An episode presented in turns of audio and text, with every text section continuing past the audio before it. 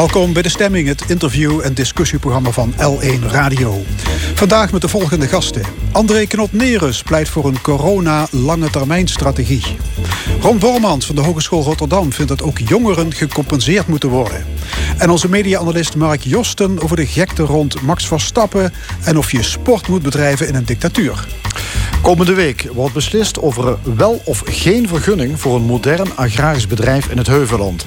In het tweede uur een discussie tussen een voor- en een tegenstander. Dan ook een column van Rezi Kouwmans en het panel discussieert over verpleegkundigen uit de Filipijnen en andere actuele zaken. Tot één uur is dit De Stemming. De strijd tegen de coronapandemie is een marathon en geen sprint. Het virus zal nog ons jaren teisteren. Met grote gevolgen voor de zorg, de economie, het onderwijs en cultuur. En daarom is een lange termijnvisie nodig. Er zijn inmiddels scenario's ontwikkeld en er wordt gepleit voor een nationale denktank. We gaan erover praten met André Knot-Nerus, oud-voorzitter van de Wetenschappelijke Raad voor het Regeringsbeleid. Goedemorgen. Goedemorgen. Heeft de overheid tot nu toe te hapsnap gereageerd op de coronacrisis die ontstaan is? Uh, wij vonden dat als uh, Wetenschappelijke Raad voor het Regeringsbeleid en de KNW dit voorjaar wel. Uh, en daarom zijn we uh, dit rapport gaan schrijven. Wat gericht is op het komen tot scenario's die we ook hebben gepubliceerd. We vonden namelijk dat de overheid toch te vaak in de communicatie een korte termijngerichtheid had. En heel erg optimistisch was. Zo van uh, nog even deze hobbel nemen en dan zijn we er. Terwijl het in de praktijk dan vaak toch niet over was. En dan krijg je teleurstelling, je krijgt uitputting. Uh, en daarom is het voor niet alleen de communicatie naar het publiek, maar ook voor het beleid erg belangrijk om realistisch te zijn. En ook rekening te houden met minder gunstige scenario's van de ontwikkeling van de pandemie. Ja, kan het zijn dat, uh, dat we, de overheid, misschien te lang gehoopt heeft dat het binnen afzienbare tijd wel weer voorbij zou zijn? Dat zal zeker het geval zijn geweest. Want anders had men natuurlijk niet zo gecommuniceerd. Maar in de wetenschap was al langer bekend dat het zeer vermoedelijk langer zou duren. En, en, in de loop van 2020 werd al gezegd... we moeten toch rekening houden dat het virus een aantal jaren onder ons zal zijn... en dat het nog een fikse strijd zal vergen om het virus eronder te krijgen. Ja, een vals optimisme is er, uh, heeft wel geheerst. Ja. maar waarschijnlijk ook wel uh, goed bedoeld optimisme. Want er is natuurlijk ook heel vaak gezegd vanuit de politiek: geef de mensen nou perspectief. En als je daarin doorschiet, word je te optimistisch. Zowel wat betreft de termijn als wat betreft het uiteindelijke verloop. Ja. Het is misschien interessant om eens even te kijken naar de waardering voor het huidige coronabeleid. Er is een uh, onderzoek van het RIVM, een gedragsonderzoek, uitgevoerd. En daaruit blijkt dat vijf op de zes Nederlanders op dit moment ontevreden is over het coronabeleid. Mensen vinden dat er te laat en te licht is ingegrepen. Kun je dan concluderen dat er dus behoefte is aan een strengere overheid, althans een overheid die strengere maatregelen wil op het gebied van corona-aanpak? Ik denk niet dat je dat per se kunt concluderen. Waar het denk ik vooral om gaat, is dat de overheid realistisch communiceert. Mensen willen weten waar ze aan toe zijn, wat de mogelijkheden zijn. Uh, als er onzekerheid is, begrijpt men dat. Maar dan moet je dat ook verwoorden. Uh, en uh, het is goed uh, en belangrijk dat mensen zich kunnen voorbereiden. En als men telkens te maken heeft met tegenvallers, terwijl het tegendeel was beloofd, dan krijg je natuurlijk ondermijning van vertrouwen. Ja, dat is valse hoop geven. Is dat geloof ja, maar dat is denk ik niet bewust. Hoewel er natuurlijk wel een aantal uitgeleiders zijn geweest uh, die echt anders hadden gemoeten. Uh, bijvoorbeeld dansen met Jansen en dergelijke voorbeelden. Uh, dat was onverstandig en het was van tevoren bekend dat het verstandig was om even te wachten met het dansen na Jansen. Ja, ja hier aan tafel ook Mark Josten, hoofdredacteur van Human. Ja. Als jij vanuit jouw vakgebied kijkt naar de communicatie van de overheid over uh, de aanpak van corona, kun je dan vinden in uh, hetgeen uh, Knot zegt? Ja, zeker. Het, het, enige waar, waar ik af en toe een probleem mee heb, dat, um, um, dat mensen te lichtvaardig hele harde oordelen hebben over de politici die het nu moeten uitvoeren. Want ga er maar eens aan staan. Wat die de afgelopen twee jaar hebben moeten doen, een, de jongen en een Rutte, dat is echt een echt een verschrikkelijke job geweest. En dat je daarin ook fouten maakt, dat is ook logisch. Maar dat gezegd hebbend, um, we moeten de fouten wel benoemen. En ik denk zeker dat dansen, dansen met Jansen, dat was echt een fout. Terwijl echt ook in de, in de media, dat was al heel lang bekend dat dit een heel lang gevecht zou worden. Ik wil een herinnering brengen. Ik heb hier zelfs in dit programma nog uh, twee jaar geleden, toen het net was uitgebroken, het, uh, het virus, het, uh, het, het verhaal gebracht ehm, wat de, de wetenschapscorrespondent van de New York Times al toen benoemde. Dat we in een hele lange periode zouden komen die hij noemde de hamer en de dans. Dat we periodes kregen van dat je af en toe echt heel strikt moest leven... en dat je dan weer even wat lucht kon hebben... en daarna weer terug naar strikt moest gaan. Dat is al twee jaar bekend, is al twee jaar lang heel veel over geschreven. Ja, en toen je dat vertelde twee jaar geleden... werd je ook nog vierkant uitgelachen door iedereen. Ja, zeker, ja. nepnieuws. Ja, ja. ja, Ik denk dat het vooral veel jongeren treft. Eh, Ron Bormans, ook hier aan tafel... Eh, voorzitter eh, van het college van bestuur van de Hogeschool in Rotterdam. Ik neem aan dat dit voor jongeren... Uh, komt dit misschien nog veel harder aan dan ouderen. Dat gebrek aan perspectief en een overheid die dan misschien uh, een te rooskleurig beeld continu voorspiegelt. Nou ja, om te, om te beginnen denk ik dat de jonge generatie de grootste prijs betaalt. Hè? Ik denk dat we dat ons heel goed moeten realiseren met z'n allen. Ik zeg altijd zo van, kijk, ik, ik, ik persoonlijk in mijn persoonlijk leven... Ik, ik betaal natuurlijk ook een prijs, maar zo spectaculair veel is er niet veranderd. Maar je zult maar 18, 19, 20 jaar zijn... En dan kom je in een soort fase terecht van je leven dat je de wereld groot wil maken. Hè? Je wil een beetje domme dingen doen, experimenteren. Je wil ontdekken wie je bent. En je wordt gedwongen om de wereld klein te maken. Dus dat is, dat is wat er gebeurt. Of nou de jongeren uh, uh, op een andere manier minder perspectief geboden is, dat weet ik niet helemaal. Nou ja, dansen met Jansen. Nee, maar dat is zeker zo. Dat is, dat, is een, dat is een foute inschatting van de drift van jonge mensen om er weer op uit te gaan. Dus dan druk je op een heel klein knopje en dan gaat die deur massaal open. Dat is natuurlijk wel gebeurd. Wat ik zelf belangrijker vind, of ook belangrijk, is denk ik waar u ook uh, aandacht voor vraagt, dat langere termijn perspectief. Ik heb in september gezegd van wij moeten nu nadenken of we het hoger onderwijs uh, iets van 3G, 2G of wat dan ook gaan doen. En onder welke condities. Wat we steeds doen, is dit soort principiële discussies voeren. En de hitsigheid van een, van een golf en de hitsigheid van het moment. Waardoor ook die, dat debat steeds opnieuw weer wordt opgekookt. Eigenlijk zou je klaar moeten hebben liggen. In die en die omstandigheden gaat dat type 3G-beleid met die rechten en die plichten gaat dan in. En dat moet je eigenlijk bediscussiëren met elkaar als er geen sprake is van een coronagolf, maar wanneer, wanneer het betrekkelijk rustig is. Op een of andere manier trappen we steeds weer in die valkuil van het is voorbij. Terwijl, nou, wat, de, wat de collega's hier aan tafel ook zeggen, het gaat gewoon niet voorbij. Nee. De Wetenschappelijke Raad voor het Regeringsbeleid heeft samen met de Koninklijke Nederlandse Academie voor Wetenschap scenario's ontwikkeld. Dat komt een beetje, denk ik, in de buurt van wat we hier horen. u zegt, ja, je moet op de lange termijn denken, dus jullie hebben vijf scenario's ontwikkeld. Scenario 1, dat is eigenlijk uh, een, een, periode waarin er niet veel aan de hand is met corona. En scenario 5, ja, dat is echt een, een doemscenario. Hè? Uh, waar zitten we op dit moment trouwens in, volgens die uh, scenario's? Ja, scenario 1 is terug naar normaal. Hè. We laten alles achter ons. scenario 5 is het virus wint van onze mogelijkheden om er tegenop te vaccineren. En daartussen zitten nog drie scenario's. Uh, op termijn is het meest waarschijnlijk, denken wij, het griep plus scenario. Um, griep plus. Griep plus, dat wil zeggen in het najaar oplevingen. Uh, met misschien ook uh, extra behoefte aan IC-capaciteit en, en, eventuele maatregelen daar, daarbij. Maar we zitten nu, naar mijn oordeel, tussen onze scenario's 3 en 4. 3 is um, um, de. Um, de externe dreiging hebben we dat genoemd. Dat wil zeggen, het gaat in ons land eigenlijk goed, maar we moeten steeds alert zijn op introductie van mutaties van buiten. En scenario 4 is continue strijd. Dat wil zeggen dat het virus zo snel muteert dat we echt moeite hebben in een soort kat-en-muisspel om uh, vaccins te maken die daar uh, succesvol in kunnen zijn. En we zitten eigenlijk nu een beetje tussen drie en vier. Dat hadden we begin dit jaar natuurlijk niet verwacht. Nee, dus we moeten echt ons best doen om terug te komen naar scenario 2. Ja. Wat is het voordeel van dat denken in scenario's?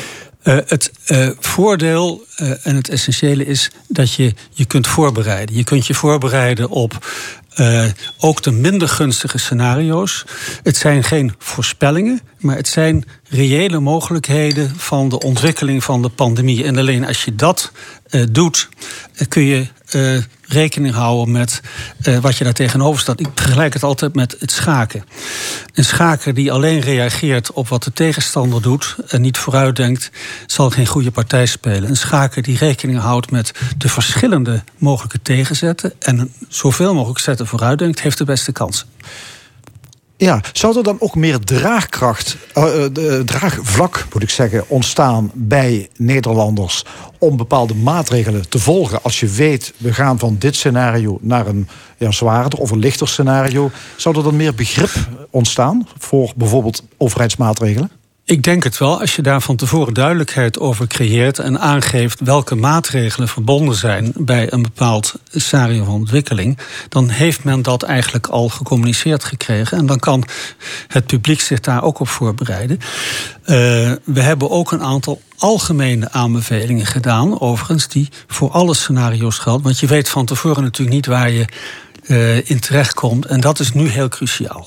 Uh, dat varieert van inzetten op uh, versnelling van wereldwijde vaccinatie, tot meer inzetten op preventie, uh, tot een meer schokbestendige samenleving. Zowel de zorg als ook de sociale, economische, culturele aspecten. En ook het verbinden van het coronabeleid en het herstelbeleid met andere grote opgaven, zoals ja. sociale ongelijkheid. En Kun je het gevecht tegen corona winnen als uh, de vaccins zo ongelijk zijn verdeeld in de wereld? Ik bedoel, in Amerika is 5% van de bevolking gevaccineerd.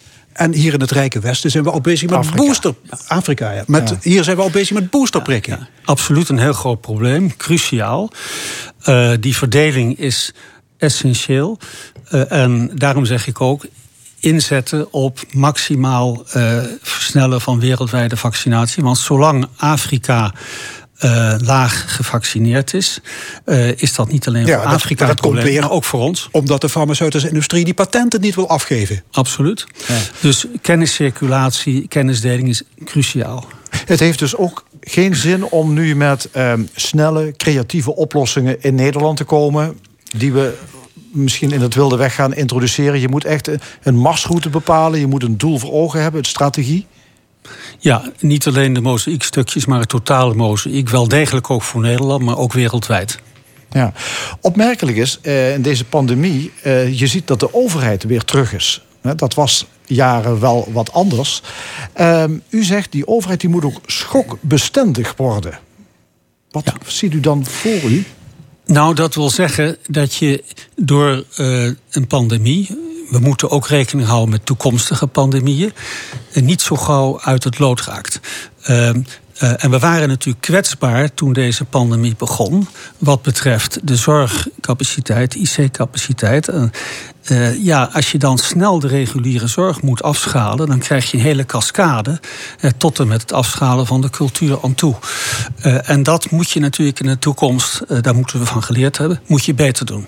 Ja, want het gaat niet alleen sec om die aanpak van corona. Niet, ik bedoel, eh, hoe heet het, vaccineren is belangrijk, maar is niet het enige. Ja. Het gaat ook om alles wat er omheen zit. Zeker. De, de zorg, onderwijs, kansen, ongelijkheid die toeneemt. Ja. Dat soort zaken doet ja, u ook. Voorkomen van inkomensval bij kwetsbare groepen in sociaal opzicht. Maar zeker, we kunnen niet jarenlang uh, zonder uh, stevige participatie in cultuur. Sport is essentieel, ook voor de gezondheid. Uh, en als je dat niet uh, aandacht geeft, dan gaat straks de schade van de, van de pandemiebestrijding nog groter worden dan de schade van de pandemie zelf. Ja, burgemeester Halsema van Amsterdam die riep uh, onlangs om een nationale denktank. Is dat iets wat jullie hier aan tafel aanspreekt? Nou, nou ik heb zelf. Ron Bormans. Ja, ja. ja ik heb zelf wel eens gezegd: kijk die hele pandemie, als je hem plat slaat, hè, dan is het land voor een deel op slot. Omdat we geen IC-capaciteit hebben. Dus dat is een beetje simpel geredeneerd. Maar we zijn dit met z'n allen aan het doen om de zorg overeind te houden. En wat mij toch een beetje verbaast is dan... en dat komt eigenlijk neer omdat we de mensen niet hebben. Want eigenlijk moet je die capaciteit natuurlijk... in, in, een, een steady state eh, scenario van u zit, verrast in, zit vooral in dat we de, de, de, de zorgcapaciteit hebben om, om, dat, om die klappen op te vangen. Ik heb zelf gepleit voor iets van een nationale taskforce om dat personeelsprobleem op te lossen.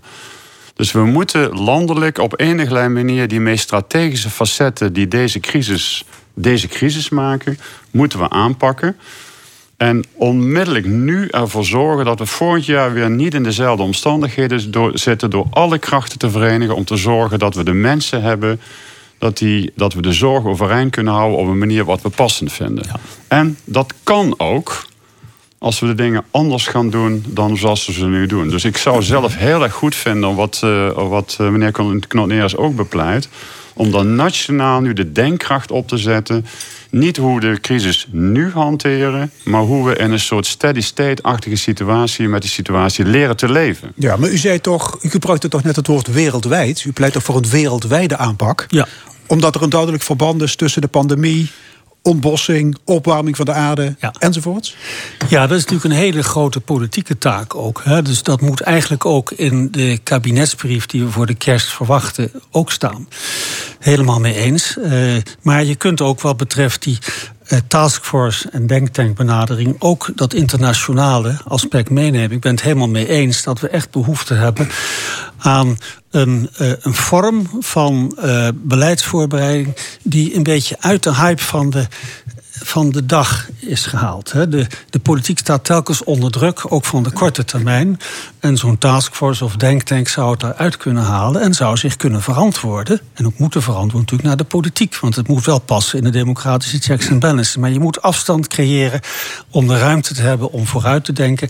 En dat moet nationaal, maar ook wereldwijd. Mag er nog één ding aan toevoegen? Heel kort. Ja? Nou ja, heel kort dan. Nee, kijk, ik, ik ben hier hartstikke, hartstikke voor. Zo'n zo'n top-down benadering. Er, er komt een, uh, komt een sterke club met, met goede denkers, mensen die het begrijpen. Maar wat deze crisis volgens mij ook enorm aantoont... dat er ook echt bottom-up, van onderaf moeten er dingen gebeuren. Ik geef heel veel medialessen op allerlei scholen in, in Nederland. En dan merk je hoe enorm die complottheorieën, de onzinverhalen rondom corona, maar ook rondom uh, het, het, klimaat, hoe die welig tieren, daar, sorry, daar moet volgens mij tegelijkertijd ook wat meer gebeuren. Als ik daar nog even mag reageren, ik ben het er helemaal mee eens. Dat is ook wat wij bepleiten. Dus het mobiliseren van de creativiteit in de samenleving in al die sectoren die niet eh, door, laten we zeggen, de Haagse torens eh, kunnen worden vervangen wat betreft het vinden van oplossingen in het eigen veld. Helemaal okay. eens. Dank u wel. Uh, André Knot-Nerus, u blijft nog even zitten samen met Mark Josten en Ron Bormans. Ja, komende week is het 15 jaar geleden pardon, dat Hunky Dory verscheen. Het vierde album van David Bowie. Een hoogtepunt is het toch al imposante oeuvre. Dit is Fill Your Heart.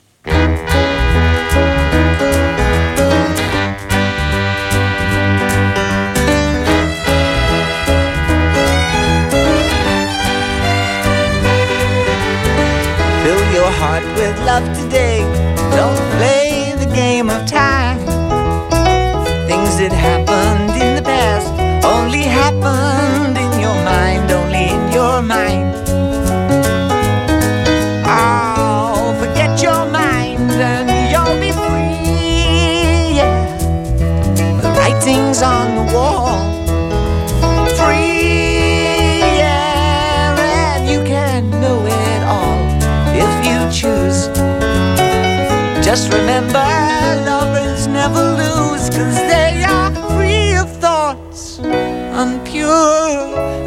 Thoughts unkind. Gentleness clears the soul, love cleans the mind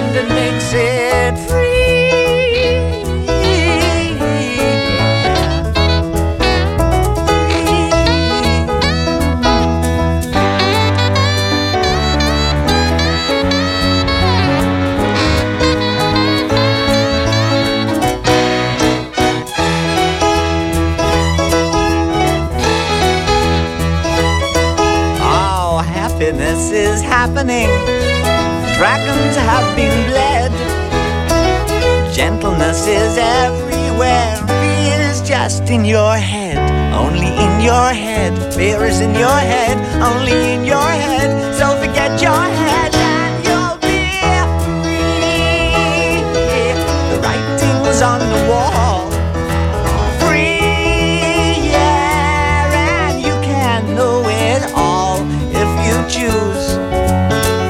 Just remember, lovers never lose, cause they are free of thoughts, unpure, and of thoughts unkind.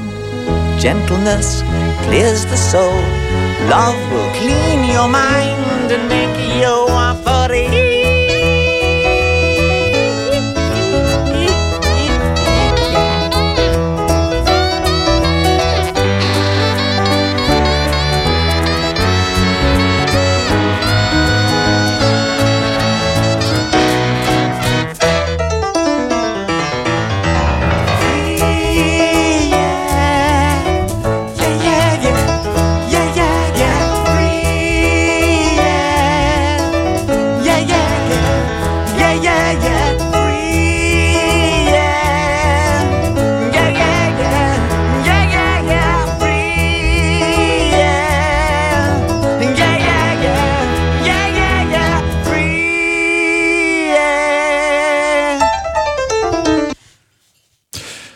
Your Heart van het 50 jaar oude album Hunky Dory van David Bowie.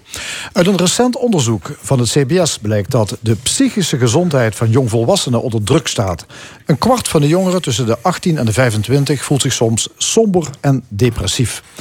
Wat zijn de ervaringen van de uit Limburg afkomstige Ron Bormans, bestuursvoorzitter van de Hogeschool Rotterdam?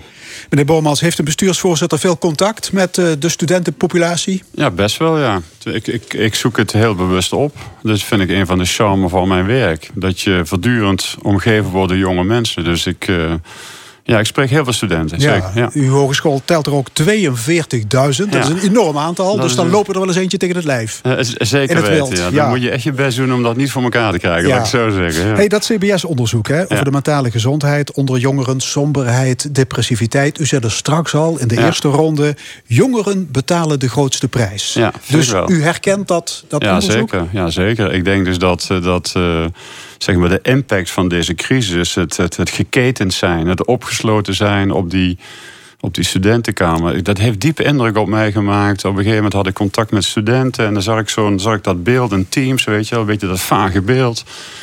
En dan zat er zo'n jonge vrouw op dat bed. Dat bed was niet opgemaakt. Een beetje zo'n typische rommelige studentenkamer. En die, zat daar, die vrouw zat daar in die, in, die, in die kleine wereld. Toen dacht ik van, dat is het symbool. Wat ik net zei, in een fase van het leven dat je erop uit wil, dat je wil experimenteren, dat je misschien ook fouten niet wil maken, maar gaat Ja, maken. dat deed u vroeger ook het schenen toen hij jong was. De wereld ontdekken, erop uittrekken. Natuurlijk. Dat is ook, eh, dat, eh, ik denk dat, eh, ik gun dat iedereen, hè, dat je dat, je dat, er moet een beetje gecontroleerd gebeuren. Je moet niet echt domme dingen doen natuurlijk, want dan kom je zwaar aan de problemen. En als je struikelt, moet iemand je oprapen. Niet te wild, amigo. Nee, hè? niet te wild, amigo. Dus daar gaan we het ook allemaal niet over hebben hier, neem ik aan. Maar, Volgende de- keer. Volgende keer, ja. Nee, maar dat is gewoon zo. Ik denk dat die generatie... eh, en, ik, en, en, en ik weet ook niet of die generatie echt het gevoel heeft dat wij naast ze staan. Ja, vindt u dat de samenleving meer zou moeten doen voor jongeren? ja, dat vind ik wel, ja. Ik heb wel eens, ik heb wel eens gepleit eh, voor... geef ze gewoon een, een jaar terug. Hè, eh, eh, zeg nou tegen jonge mensen... als je recht op studiefinanciering hebt... je krijgt er een jaar bij. Eh, als je, als je, eh, eh, maak gewoon de studie een jaar langer. Dus, geeft dus ik heb wel eens de metafoor gebruikt van... ga nou als samenleving naast die generatie staan... En zeg als samenleving, wij met die enorme kracht die we hebben, dat geld, die power die we allemaal hebben, we geven gewoon een extra jaar. Ja, ondernemers krijgen financiële steun. Precies. En jongeren laten we nu in een Precies. stop gaar koken. Precies, als, je s'avonds, als er weer eens een keer wat is, dan, dan, dan schakel je de tv in. Dan zeg ik wel eens tegen mijn vrouw, van, moeten we dat nou wel doen? Maar goed, dan kijken we toch weer. En dan gaat, eh, dan gaat de, de vliegbranche op slot. En dan zit er weer diezelfde meneer die er gaat pleiten voor compensatie. En dan gaan de, gaan de kroegen dicht. En dan zit er diezelfde meneer, die ondernemer uit Nijmegen... die gaat zeggen, er moet geld op tafel komen. Snap ik, hè? Ik bedoel, dat begrijp ik heel erg goed. Ik wil niet die mensen de indruk wekken dat die mensen dat recht niet hebben. Maar wie is nou degene die daar aan die tafel zit? Bij Jinek, bij Bo, bij Op1. Die te zeggen van compenseer die jonge mensen. Overigens, er zijn vormen van compensatie geweest. Maar dan drie maanden dit en twee maanden dat. En collegegeld zus. Maak een mooi gebaar naar die jonge Ja, mensen toe. want als ze later terugkijken op deze corona-lockdown-periode... Ja. dan moet dat geen inktzwarte herinnering zijn. Ja, ik heb, ik heb dat beeld overigens van een goede vriend van me. Dus ik heb mezelf niet verzonnen. Maar die zei een keer tegen mij van... als die mensen nou van onze leeftijd zijn... Hè, en als je, zoals je ziet eh, ben ik wat ouder... dan moeten die mensen terugkijken op die periode en zeggen van dat was zwaar. Maar ik heb toen de solidariteit en de steun van de samenleving gevoeld. Dat, dat klinkt heel dramatisch, maar ehm, een land moet het niet hebben dat je een sombere jeugd hebt. Want de jeugd is mijn toekomst. Dat is mijn verzekeringspremie. Dat is mijn leven, de jeugd. Mark Josten, ja. hoofdredacteur Omroep Human. Ja, ik vind het een eh, heel warm betoog waar ik, uh, waar ik eigenlijk uh, niks, niks op kan afdingen. Alleen misschien nog wat aan kan toevoegen. Want kijk, er was natuurlijk onder jongeren, en dan heb ik het over studenten, maar ook mensen die jong op de arbeidsmarkt komen, is natuurlijk, was ook al voor corona was er best wel een probleem. Daar gingen we toen al niet zo netjes mee om met al die contractenbusinessen. Ik werk zelf bij omroepen die ook echt slecht met hun jonge mensen omgaan. Ook contract op contract dit is ook een kans. En een kans misschien ook om die arbeidsmarkt, om ze daar vastere posities te geven. Dat we weer het vaste arbeidscontract centraal stellen. Dat we die mensen perspectief geven. En als je ze perspectief geeft in het leven dat er nu aankomt, dan zijn ze ook, denk ik, eerder geneigd om wat positiever terug te kijken. Want ik kom zelf uit zo'n periode. Niet zo erg als nu met corona, maar ook zware economische crisis. Maar daarna werd meteen werd de schouder eronder gezet. En ik kreeg meteen een, een, een goed vast contract. En daardoor kijk ik toch wat minder somber terug ook op die periode. Ja, maar was een, een paar een tijdje geleden had je die, die explosie van, van straatgeweld in, in Rotterdam. Hè? Zeker. U bent van Rotterdam, u woont daar. Dat ging er heftig aan toe. Wat heeft u daarvan meegekregen?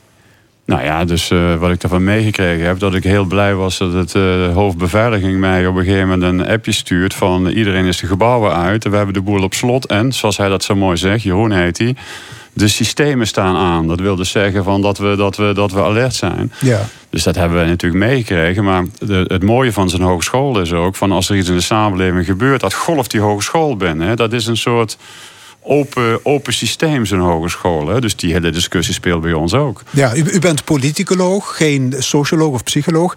Begrijpt u deze eruptie van geweld? Nou, ik wil er graag twee dingen over zeggen. Ik wil niet dat het, het. Ik begrijp het, maar ik wil niet dat dat geïnterpreteerd wordt dat ik het daarmee goed praat. Ja, u begrijpt het, maar u heeft er geen begrip ja, voor. want er zijn namelijk. Er werden op de, op de Koolsingel uh, werd er dan geroepen in Rotterdam: vrijheid, vrijheid, vrijheid. En ik heb er een column over geschreven wat daar gebeurt. De stad molesteren heeft niets met vrijheid te doen. De andere kant van het verhaal is natuurlijk evident, daar hoef je niet gepromoveerd socioloog voor te zijn, is, heeft het iets van een opgekropte woede. Waarbij ik het overigens interessant vind.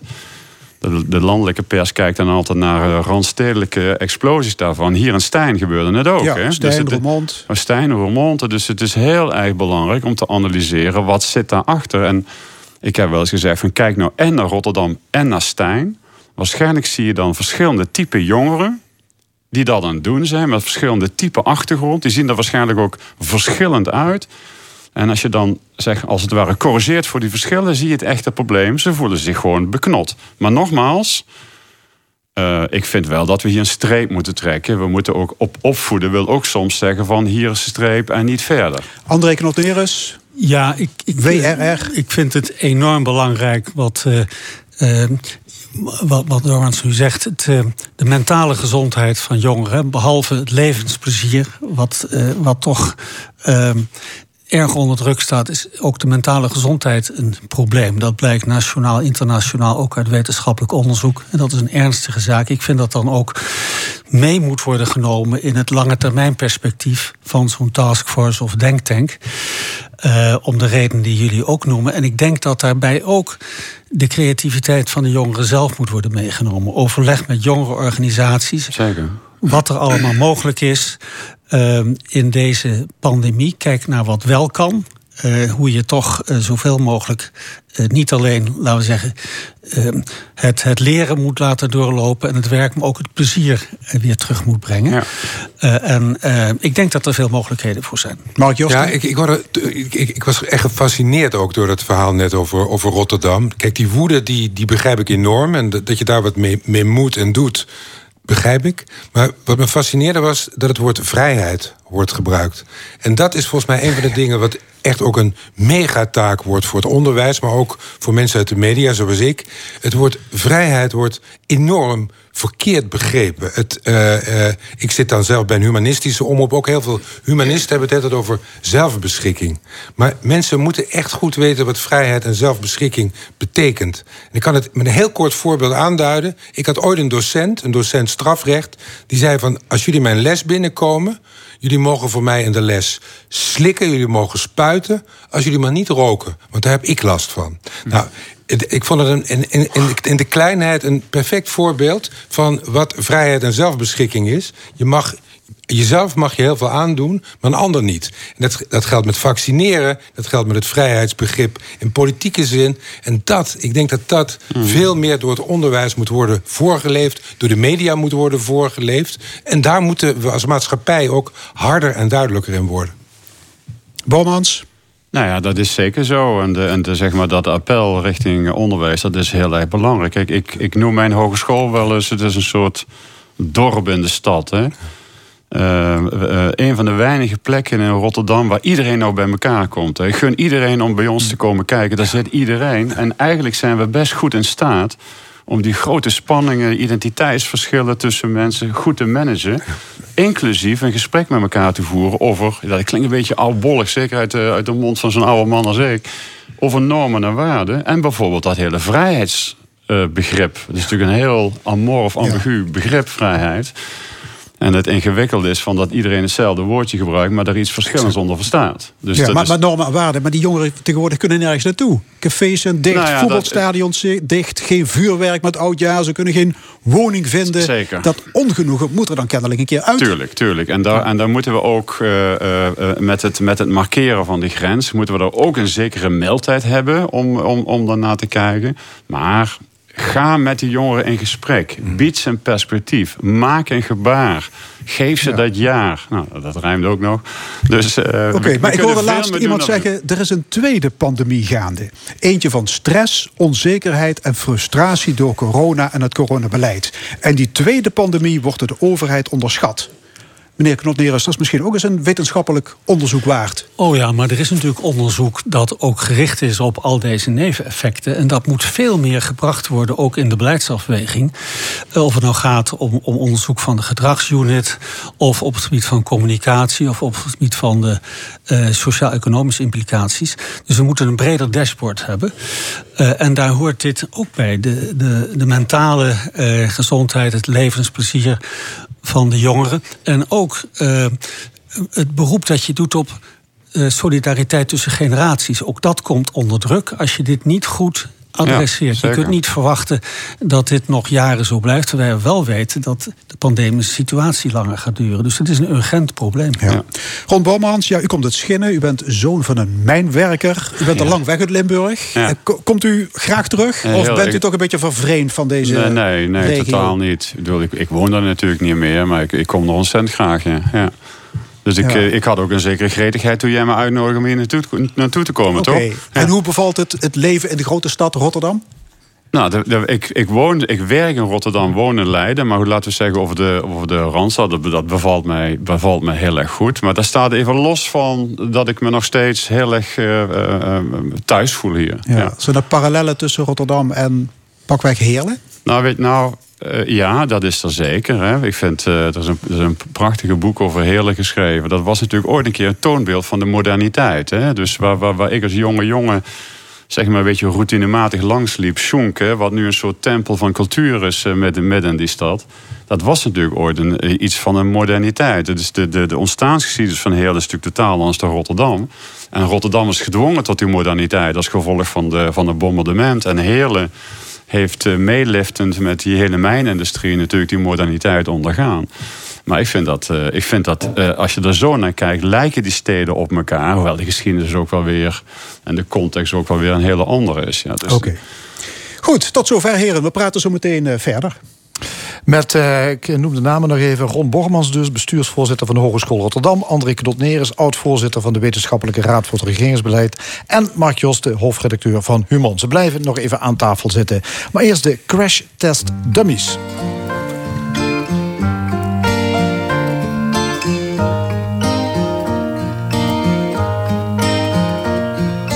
Once there was this cute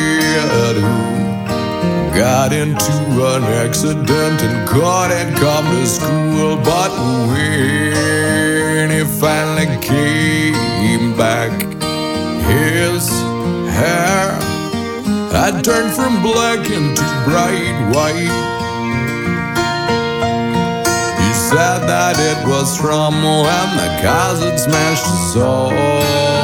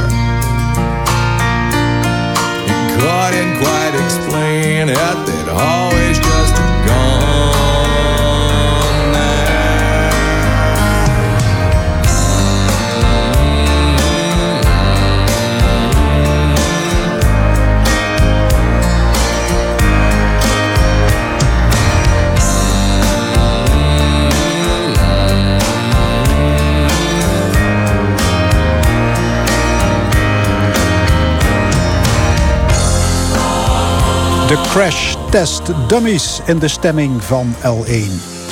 Ik stel de drie gasten nogmaals aan u voor. André Knot-Nerus, ex-voorzitter van de WRR... bestuursvoorzitter Ron Bormans van de Hogeschool Rotterdam... en onze media-analyst Mark Josten... tevens hoofdredacteur van Omroep Human. Ja, Mark, eh, om twee uur kijkt half Nederland naar de grote finale van de Grand Prix in Abu Dhabi. Um, jij bent onze media-analyst. Ik neem aan dat jij ook voor de tv's gekluisterd zit zometeen. Nee, ik, uh, ik zit dadelijk uh, gekluisterd in uh, Heerlen bij mijn 92-jarige vader. En ik hoop dat wij een heel gezellig kopje koffie kunnen drinken daar. Dus dat is jammer voor ja, jammer voor Max. Jammer hij, voor Max, hij zal je Max. Ja, hij zal mij niet missen. Nee, nee, nee, nee, nee eh, Je bent gewoon geen fan van uh, autosport of eh, zit er iets meer achter? Nou, ik, ik, uh, ik ben geen groot fan van die autosport. Ik bedoel, ik ik, laat ik zo zeggen, er zijn mensen die zeggen... het is helemaal geen sport, het is, het is alleen maar milieucriminaliteit. Nou, ik denk dat het wel sport is.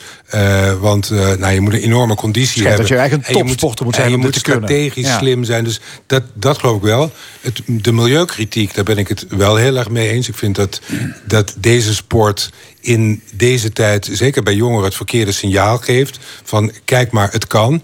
Ik bedoel, waarschijnlijk op, op, op het totaal aan milieuvervuiling zal dit peanuts zijn. Maar gewoon het symbool is niet goed.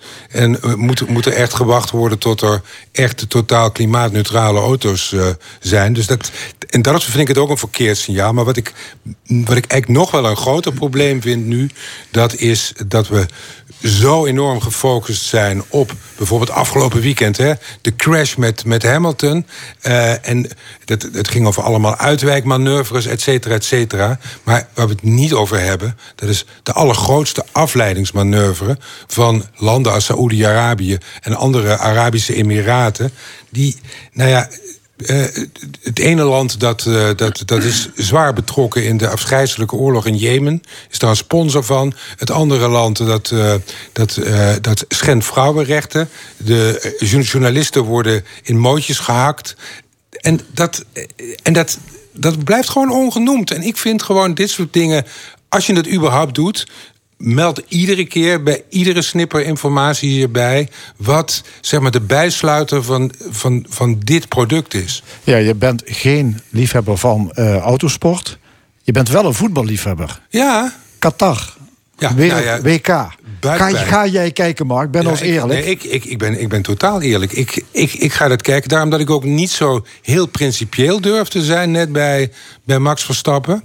Um, uh, kijk, ik ben een enorme voetballiefhebber. En ik laat mij misbruiken. Ik ben eigenlijk een soort junkie van het internationale uh, sport, uh, de, de, de sportdealer. En ja, dat, dat voelt niet goed. En ik, uh, ik kan me er ook op geen enkele manier uitpraten. Maar ook bij Qatar vind ik trouwens... En dat alle media die daarover gaan berichten...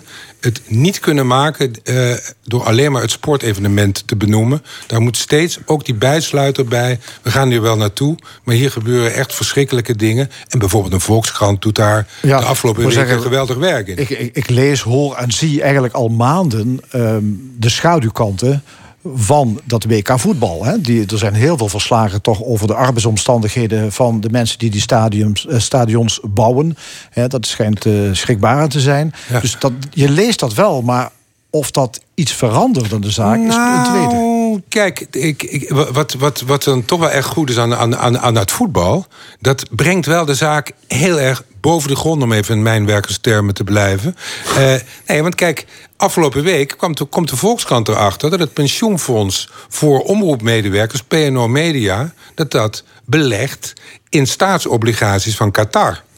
En daar is een orkaan aan kritiek is er intern nu uitgebroken. En ik, ik maak me sterk dat dat uh, pensioenfonds nog heel lang in Qatar zal blijven beleggen. Ook daarvan kun je zeggen, gaat dat uiteindelijk de grote gamechanger worden? Misschien niet, maar een heel aantal gamechangers bij elkaar opgeteld... kan wel wat doen veranderen, dus daar geloof ik wel in. En bij mijn slappe gedrag, nogmaals, ik, ik ga kijken... dus ik ben, ik ben mededader...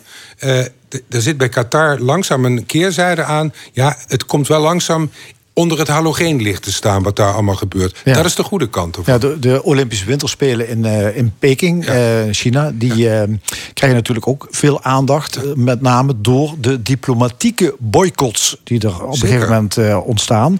de Verenigde Staten, Canada, Nieuw-Zeeland, Australië. Ehm, diplomatiek wil zeggen, sporters gaan er wel naartoe, maar daar gaan dus geen politici en geen diplomaten die richting uit. Ja, nou ja, nou, kijk, ik vind het voorzitter Hogeschool ja, Rotterdam. Ja, ik ben zelf een enorme sportfan, dus ik heb er ook wel een beetje moeilijk mee. Maar kijk, elke vorm van sport is verbonden met twee werelden die het soms spannend maken. Dat is namelijk de globale wereld en de commercialiteit. Dus het is, al, het is allemaal zwaar commercieel en het is heel globaal georganiseerd. En, en eh, elke sport heeft daarmee ook zijn ethische uh, de ethische kant waarvan je denkt van uh, als je sportfan bent, misschien maar een klein beetje vergeten, weet je wel. Dus, dus dat maakt het ontzettend moeilijk om daar een oordeel over te hebben. Voelt, voelt, dat, voelt dat een beetje hypocriet Ja, dat voelt hypocriet aan. Want als je kijkt naar hoe, en als je kijkt naar uh, alle sporten hebben we bijna wel een dimensie waar je denkt van ja, dat, dat bevalt nog niet helemaal. Dan zou je bijna gedwongen worden om, je, om de wereld heel klein te maken, alleen maar sport om de hoek te gaan, te gaan bedrijven. Dus ik, ik, ik ben zelf een groot voorstander van de, van, de, van de lijn van de openbaarheid. Leg het op tafel, maak het bespreekbaar. Geef niet de verkeerde mensen een hand. Legitimeer niet het verkeerde gedrag.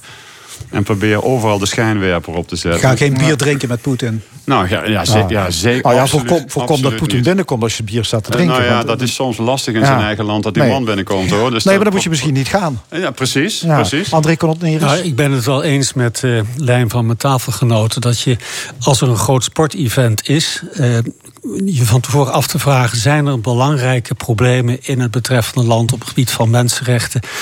Uh, en wat zijn dan de mogelijkheden om dat debat aan te jagen en ook uh, invloed uit te oefenen? Dat is ook cruciaal. En daarover te communiceren. Uh, ik denk dat dat in de eerste plaats een taak is van overheden, van regeringen, diplomaten, maar ook de sportbonden. Uh, ik denk niet dat je daar primair de individuele sporters op moet aanspreken, want die moeten zich toch concentreren op prestaties. Uh, het, het, kan me wel voorstellen als, als iemand een klinkende overwinning behaalt, dat hij dan een statement maakt. Ik moet altijd nog met enige uh, trots eigenlijk, want ik was in de jaren 60, 70 ook atleet. Uh, weliswaar geen topatleet, maar ik trek dan terug aan de Black Power atleten. Die in Mexico-stad, de, de, de, sprinters, John Carlos en Tommy Smith, toch een statement maakten na hun winst. En dat heeft een enorme impact gehad. Dat kan ja. natuurlijk wel, maar je moet ze van tevoren niet lastigvallen. Dat is een taak voor uh, de politiek, de diplomatie ja, en de nou, sportorganisaties. Nou, er zijn wel bonden, niet individuele sporters niet, maar bonden die natuurlijk wel, actie, die wel stelling nemen. Bijvoorbeeld de Vrouwelijke Tennisbond, hè, ja. dat is de WTA. Die organiseert voorlopig geen toernooien in China vanwege zorgen over de veiligheid uh, van een Chinese tennister. Ja, ik zei dus ook de bonden. De bonden ja, hebben bonden een verantwoordelijkheid, ja. absoluut. Ja. Ja. volgens mij ligt, ligt, daar ook de sleutel. Ik, ik hoop ook dat uh, de internationale voetbalbonden... dat die zich voortaan bedenken voor ze toernooien in dit soort landen organiseren. Want er zijn gewoon alternatieven in hele nette landen. Net zoals dat er voor een pensioenfonds ook hele nette alternatieven zijn... om staatsobligaties te nemen in landen die niet dictatoriaal zijn... en ook goede rendementen op. Maar het aantal nette landen ja. wordt wel minder, hè Mark? Ja. Ja, maar er zijn er nog wel, er zijn er nog wel heel erg veel. En heel veel goede landen om in te beleggen. Goede landen om in toernooien in te organiseren. Ja. Dat, uh, dat kan niet op. Zou een nieuw Qatar uh, niet denkbaar zijn? Zo, dus ik bedoel een Qatar-achtig uh, land nee, voor een volgend kampioenschap? Daar zit, daar zit natuurlijk ook dat, dat, dat, daarom noem ik, er zijn twee elementen. Zeg maar de globale wereld met al zijn ongemak en de commercialiteit. Het is natuurlijk ook gewoon om allerlei andere redenen bespottelijk dat je daar gaat voetballen, ja. met alle respect. Ja. Dus dat, dat als je het hebt over. Het is gewoon veel te warm. Dat, je, dat je dus, als je over duurzaamheid hebt, dat je daar allerlei van die stadions bouwt, vervolgens gaat koelen om een beetje behagelijk te maken. Dat is gewoon, is gewoon bespottelijk. En je kunt in Europa kun je best leuk voetballen hoor. En, en, en, en, en, en in Zuid-Amerika en Noord-Amerika. Er zijn ook allerlei dingen die niet kloppen. Ja, ja sorry. Ja, André Knotneert. Nou ja, zeker. Eens, maar ik wou nog één aspect eraan toevoegen. Uh, Nederland is natuurlijk niet vergelijkbaar met landen als, als China, Noord-Korea. Maar we moeten ook wel zien dat Nederland ook regelmatig zelf kritiek krijgt van Amnesty International. We hebben bijvoorbeeld het strengste vluchtelingenbeleid in Europa. Hè? Uh, dus als er een, een wederzijdsheid ontstaat, dat landen die bijvoorbeeld uh, arm zijn, die in een chronisch nadelige positie uh, zitten, als die naar ons komen, dat ze ook verwelkomd worden in hun kritiek gericht op ons, hoe wij het beter kunnen doen. Hè? Dus we moeten het ook van twee kanten bekijken. Voor je het weet heb je als Nederland ook een boycott aan je broek hangen. Ja. Nou, ja. zo snel zal het niet gaan. Ik zeg ook, het is over. Maar het, we moeten niet eenzijdig redeneren. We moeten ook kritiek verwelkomen en eigenlijk uitlokken. Ja, ja. ja daar ben ik het heel erg mee eens. Dat, uh, je moet de blik ook naar binnen werpen. Maar het is toch ook wel langzaam om gek van te worden. In 1936 waren de Olympische Spelen in Nazi-Duitsland, in Berlijn. Iedereen wist wat daar ging gebeuren. Ja. Hoe zit het met onze leercurve bijna 100 jaar later? Daar mag wel eens een keer wat in aan veranderen. Ja, dit, dit, is toch, dit is toch gewoon het grote geld dat regeert, bijvoorbeeld bij de FIFA? Ja, ja precies. Ja. Het, het gaat allemaal om geld. En, en, dat, ja. en dat is gewoon, dat, en dat, dat maakt gewoon dat het een enorme, een enorme valkuil is. En datzelfde geld zorgt ook voor een zekere hypocrisie in hoe ook regeringen dat soort landen aanpakken. Wij, wij drijven handel met Saoedi-Arabië. Wij, wij verdienen. Nou, de Volkskrant heeft wij, wij verdienen geld in Qatar. Dus de, de ethiek. En dat maakt het ook best wel moeilijk. Hè? We hadden net over jonge mensen van hoe je daar met jonge mensen over praat. Hè. Die, die, die, die zijn natuurlijk ook niet van de straat. Die weten ook precies wat er gaande is. Dus als je het hebt over, over hen normen en waarden bijbrengen. En je ziet ze samenlevingen worstelen met deze ethische kant van de sport. Dat denk ik van, dat zou net wel iets helderder kunnen met met z'n allen. En in elk land is wat. Maar toch, beste mensen, laten we onszelf nou niet met Saoedi-Arabië vergelijken. Ik bedoel, ik wil hier wonen en niet in Saoedi-Arabië. Omdat, omdat alle ongemakken hier, en Amnesty International ben ik een fan van. Maar ik denk wel dat wij hier toch een paar basale mechanismen iets beter op orde hebben dan Saudi-Arabië. Ja. Zou je dit misschien ook Europees, uh, zou je hier iets uh, kunnen betekenen? Europa als waardegemeenschap, dat je toch je, je democratische en je vrijheid uh, ook wil, wil uitdragen. Dat je misschien in, in dat verband stelling neemt tegen dus sportwedstrijden in, landen waar het allemaal niet zo goed geregeld is met de mensenrechten? Nou, ik denk best dat je dit kan opnemen als een soort van taak uh, die, uh, wat ik zei, overheden, uh, diplomaten en sportbonden hebben. om serieus te gaan kijken waar vindt een groot event plaats. en wat voor strategie gaan we met elkaar daar volgen. Dat zou je ook kunnen afstemmen. waarbij al die aspecten als commercie en ook mogelijkheid van, van omkoping, hè, laten we dat ook nog even erbij noemen, een rol spelen. en dat je dat, dat ruim van tevoren doet. en daar ook met de media over spreekt. De media hebben een grote rol. En natuurlijk, er zijn onvergelijkbare grootheden tussen landen. Maar we moeten zelf ook kritiek verwelkomen. Ja, oké. Nou ja, ik, ik, ik, oh ja, je hebt nog... ik wou nog één optimistisch ja? geluid er toch tegen, ja, tegen inwerpen. Bayern München, die, uh, die wilde allerlei zaken gaan doen met Qatar. En die hebben een ledenraad, die de meerderheid heeft uh, in de aandeelhoudersvergadering... die hebben daar met heel veel lawaai een stokje voor gestoken. Dit vind ik een prachtig voorbeeld en dat zou een olievlekwerking mogen... Sorry voor de, voor de metafoor olievlekwerking, maar die zou het mogen krijgen. Ja. Oké, mag ik nog één ding? SBS 6 gaat op eerste kerstdag s'avonds een haardvuur uitzenden. Ja. Wat vind je daarvan? Ik denk dat dat het beste programma is dat ze sinds tijden hebben uitgezonden. oh ja? dus dat zouden ze iedere avond moeten doen eigenlijk? Um, ja, ik, ben niet, ik zit niet bij SBS, maar het lijkt me een hele goede suggestie. Dankjewel. Dankjewel. Mark Joste, Ron Bormans en André Knot-Nerus.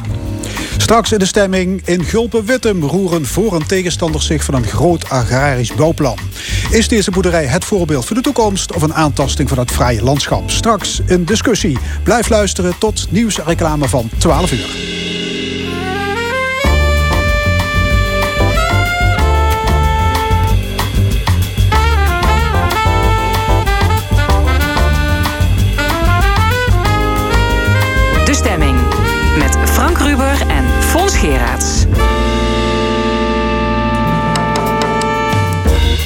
Opnieuw welkom bij De Stemming, ons interview- en discussieprogramma over politiek, cultuur en samenleving.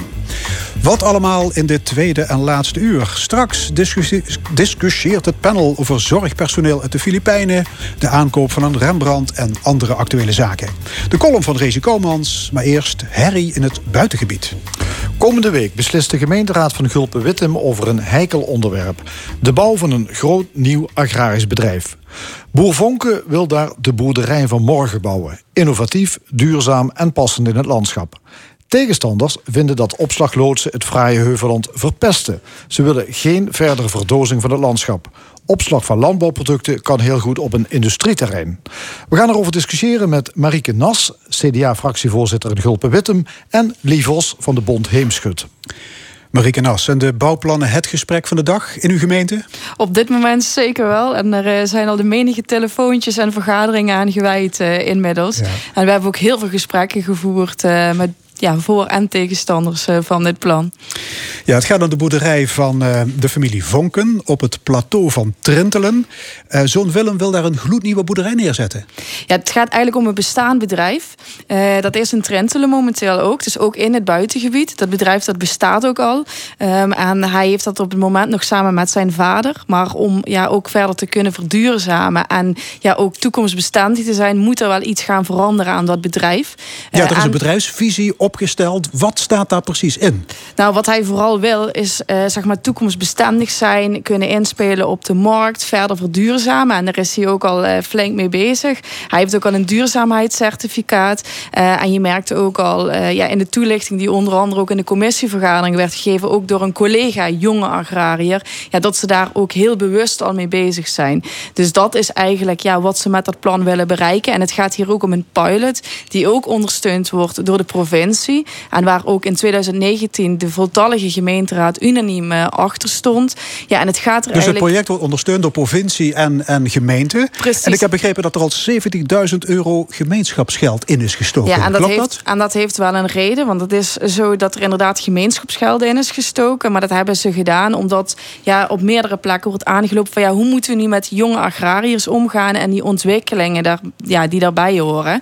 Um, en dit is een pilot die ze dan hebben opgestapt. Een om pilot. te kijken, dus is dit ja, de een toekomstig plan voor en, jonge en dat boeren? ook te gebruiken in de rest van Limburg. Dus het is niet specifiek alleen maar voor deze agrariër. Met andere woorden, u zegt dit belastinggeld is gerechtvaardigd. Exact. Ja, Lie Vos van de Bond Heemschut mee eens? Ik, Die eh, ben- ik 70.000 ben- euro gemeenschapsgeld? Ik ben voor een boerderij van de toekomst. Maar ik ben tegen de vestiging van een eh, bedrijf, een agrarisch bedrijf... met nogal wat, met 4000 vierkante meter bebouwing... op een plek die we met z'n allen heilig hebben verklaard. Dus voor de boerderij van de toekomst. En daar gaat in feite de discussie om... van wat is die boerderij van de toekomst? Is dat alleen maar de locatie en het architectonisch ontwerp... waar we het nu over hebben? Of is het een boerderij die de toon aangeeft? Vroeger hadden we proefboerderijen. En ik zie de boerderij van de toekomst als een boerderij die aangeeft waar de landbouw in Zuid-Limburg met name, waar die naartoe moet. Dat is het grote vraagteken. Niet alleen bij mij, maar ook met name bij agrariërs. Die vragen zich af, moeten we steeds groter, groter, groter, meer, meer gaan produceren?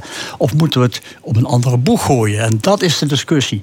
En daarom vind ik dat deze pilot het schromelijk tekort schiet. Want Ja. hij beperkt zich alleen maar tot de gebouwen. En daar moeten we het niet over hebben. Ja, maar het project heette eerst eh, Boerderij van de Toekomst. Nu is het Boerderij van Morgen. Daar kun je eigenlijk niks op tegen hebben, hè? Tegen de Boerderij van Morgen. Nee, maar dan moet het wel inhoud hebben. En dan niet alleen de inhoud in het gebouw en in de, in de locatie... maar dan moet je ook weten van waar willen we met die landbouw naartoe. Want de landbouw heeft een belangrijke rol in het Zuid-Limburgse land. Ja. Maar wacht even, u, u kent de bedrijfsvisie die op tafel ligt. Nou, wat, dat- wat zint u niet? Nou, die bedrijfsvisie die is niet bekend. Dit heeft meneer Vonk de vorige keer ook tijdens de commissievergadering verteld. Toen hem door een collega raadsleden werd gevraagd van... wat is nou uw bedrijfsvisie? Ja, die heb ik nog niet. Kijk, je moet eerst een visie hebben... voordat je op een gegeven moment een plan kunt maken... voor die gebouwen en de locatie. En dat is dus the other way around. Maar het draait allemaal om begrippen als supermodern, innovatief, duurzaam. Ja, dat zijn- moeten toch termen die u Dat- aanspreken, nee, maar of dat, niet? dat zijn loze woorden. Kijk, de, de, de pilot en ook zeg maar, het team wat deze pilot begeleidt... die heeft gezegd dat, die, dat je boerderij een duurzame bijdrage moet leveren... aan kringlooplandbouw, aan biodiversiteit, aan circulaire landbouw. ja, daar En- gelooft u allemaal niet, niet in? Nee, maar dat, dat komt nergens tot uiting. We, zien niet wat dan de boerderij van de toekomst maar is. waar blijkt dat uit? Nou, maar ik denk wel dat we de feiten juist moeten hebben in dit dossier. Want het blijkt wel degelijk uit het dossier. En er staat ook al een visie die de heer Vonke heeft geformuleerd. En er staat ook duidelijk in dat hij al drie jaar een Planet Proof certificaat heeft. En dat is een soort keurmerk die je krijgt als je duurzaam bezig bent. En bijvoorbeeld werd ook door de insprekers, eh, ook een jonge agrariër, is ook in de twintig. En die is daar ook heel bewust mee bezig. En het is bijvoorbeeld zo dat ja, Willem iets zeg maar teelt, hè, voed, voeding teelt voor, die weer gebruikt worden voor de kalveren.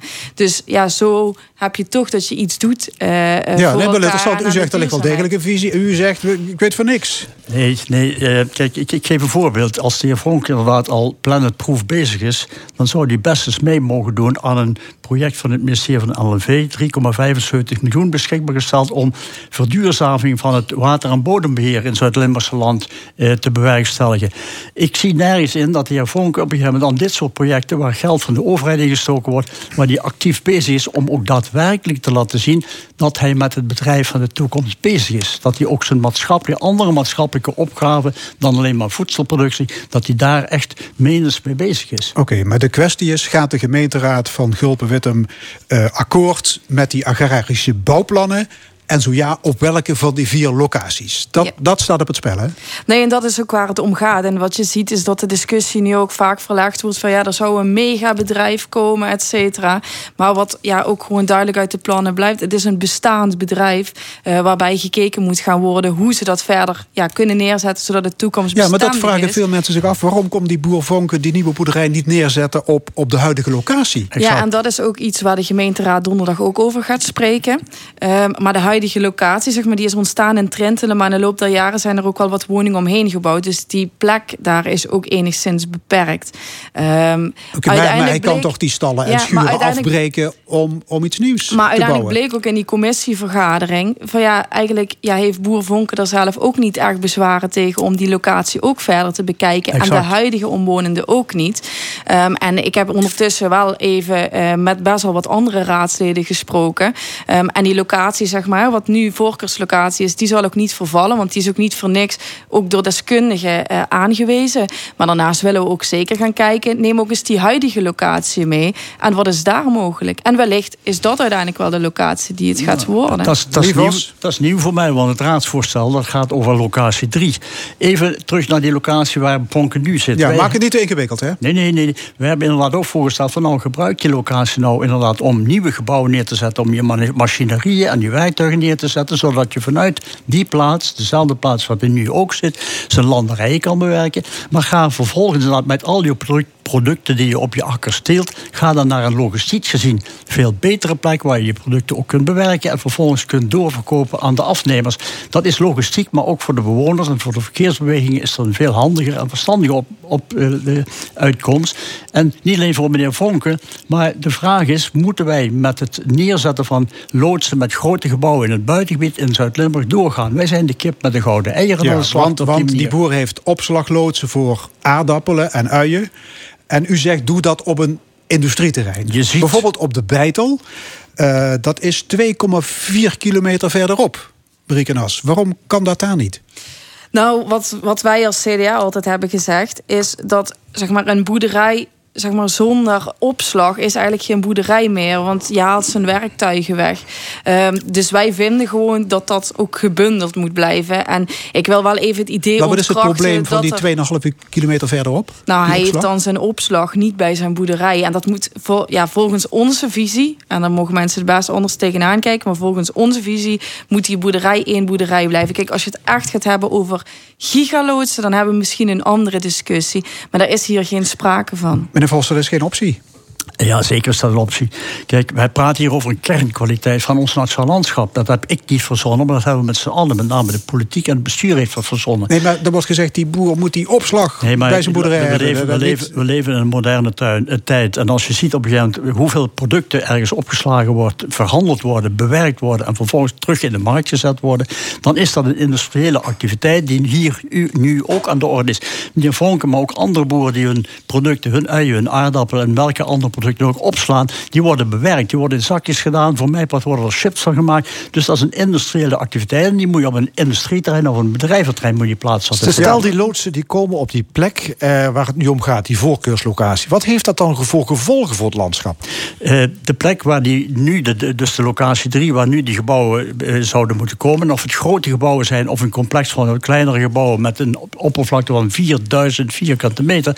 Die plek, dat is, die draagt een van de kernkwaliteiten van ons nationaal landschap. Het nationaal landschap heeft vier kernkwaliteiten. En dit is er eentje van. De, kernkwaliteit openheid is een hele belangrijke. En die openheid wordt hier door de neerzetten van die gebouwen, groot of klein, volledig om zeep geholpen. En dat mag niet, dat kan niet. Dus u zegt nieuwbouw op dat plateau van Trentelen, dat betekent onherroepelijk verrommeling en verdozing van dat vijfsterrenlandschap. En een doodsteek voor de openheid, voor de kernkwaliteit openheid op die plek. Daar moet je dat zeker niet doen. We zijn voor een. Want je kunt dat van ver af zien. Dat is plateau, dus het plateau, dat klinkt alsof het hoog ligt. Dus je kunt het van ver af zien. Je kunt dat van ver af zien. Als je op die plek gaat staan, dan kun je, van, dan kun je de kerk van Veilen, het drie landenpunt enzovoorts kijken. Maar omgekeerd kun je vanuit het landschap ook die locatie zien. En de kenmerken van die locatie is dat die open is. En die openheid moet je behouden. Je moet een andere plek zoeken voor meneer Vonker het, gaat om, het gaat overigens om een perceel van 4000 vierkante meter. Hè? Ja. Een perceel van 100, nou, nee, van 100 perceel van vier, Een perceel van 4 hectare groot. En op dat perceel van 4 hectare zou bebouwing van 4000 vierkante meter moeten komen. Ja. Dat is niet niks. Ja. Marieke Nas, wat vindt u van de argumenten? Het ja. vijfsterrenlandschap wordt verpest door uh, die nieuwbouw. Ja, ik vind dat wel uh, grove bewoordingen. Zeker omdat eigenlijk hè, ons landschap is al 7000 jaar dat, dat er geboerd wordt in, in Zuid-Limburg. En dat landschap is ook mede ontstaan door die agrariër. En die hoort ook in dat landschap. En als je die agrariër daar gaat weghalen, dan denk ik dat je een, een heel ander landschap Dat is niet uh, mijn bedoeling. Dat is helemaal niet mijn bedoeling. Boeren hebben we nodig. Boeren moeten blijven. En dat wordt er steeds minder. Dus daar moeten we trots en ook zuinig op zijn. Alleen die boeren die moeten op een gegeven moment op een dusdanige manier gaan produceren dat ze er zelf bij voor worden, maar dat het landschap op een gegeven moment weer een hersteld wordt. Laten we eerlijk zijn, in de gemeente Voerendaal is 75% van alle landschapselementen tot en met holle wegen toe is verdwenen. Het is dramatisch. Er moet iets gebeuren. Dat het landschappelijk raamwerk zal hersteld moeten worden. En dat vind ik niet alleen, maar inmiddels zijn het 500 mensen die een petitie hebben ondertekend, die ook vinden dat we niet op deze manier met ons landschap moeten omgaan. Ja, ik hoorde de wethouder van Gulpen-Wittem spreken over een ensemble van losse gebouwen. En dat er gewerkt wordt met bamboe, met hout, met stro, met kundradersteen. Uh, kortom, die stallen en die schuren die moeten opgaan in de omgeving. dat kan uw zorgen niet wegnemen, er wordt, zelfs, er wordt zelfs gesproken dat uh, zelfs in de Romeinse tijd allerlei uitzichtstorens gebouwd werden. En waarom zou dat niet in deze tijd kunnen? Nogmaals, we praten hier over een kernkwaliteit, openheid op het plateau van Trentelen. En die kernkwaliteit, daar heeft de overheid, de provinciale overheid, maar ook de gemeente Gulpen-Wittem heeft ervoor gezegd, die moeten we koesteren. Want ons landschap is de kurk waar de economie van recreatie en toerisme op drijft. En die kurk mag niet afbrokkelen. Ik word daarin gesteund, of wij worden daarin gesteund, ook door Visit Zuid-Limburg, die vinden dat de business 22.000 arbeidsplaatsen die alleen al in recreatie en toerisme gebezigd worden. 2,6 miljard omzet per jaar recreatie en toerisme. Veel meer dan de landbouw. Maar de landbouw moet blijven, want die heeft een, echt een maatschappelijke taak. Alleen laten we het dan eens over die maatschappelijke taak van die boer hebben. En laten we ze toekomst bieden, dat de boer ook kan blijven. Rikke Nas, ja, CDA. Ja, u weet, ja, wij zijn echt voorstander van het behoud van die jonge agrariërs. En ik denk dat dit plan niet zozeer alleen nog gaat om de locatie, maar ook hoe willen we in de toekomst met die jonge agrariërs omgaan? En ja, hoe zien we dat voor ons? Uh, en welke voorwaarden verbinden we daaraan uh, als uh, gemeenteraad? Ja, en wij zullen inderdaad wel als voorbeeld gaan dienen voor nog vele projecten. Maar daarom vinden we het ook wel belangrijk, wat die voorwaarden ook zijn, dat deze boer wel verder kan met dit plan. en dat er dus ook een ontwikkeling gaat plaatsvinden. Ja, maar ik hoor Vos zeggen, u gaat de kip met de gouden eieren slachten. De, de, de, de toeristen blijven dadelijk misschien wel weg. Oh, dat weet ik wel zeker van niet. Want de toeristen die komen ook mede dankzij het landschap wat door onze agrariërs wordt onderhouden. En ik denk dat dat een samenspel is.